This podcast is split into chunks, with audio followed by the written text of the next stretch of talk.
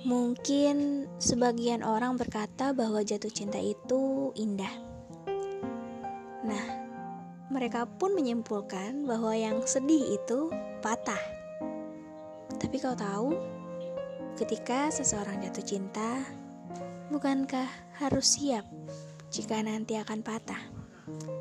Jatuh cinta dan patah hati adalah dua rasa yang selalu saling melengkapi, bahkan bisa saling mengobati. Hmm, kamu tahu nggak kenapa?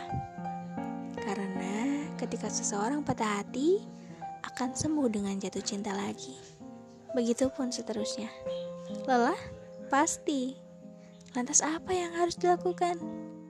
Cintailah orang yang tepat dengan mencintai diri sendiri terlebih dahulu.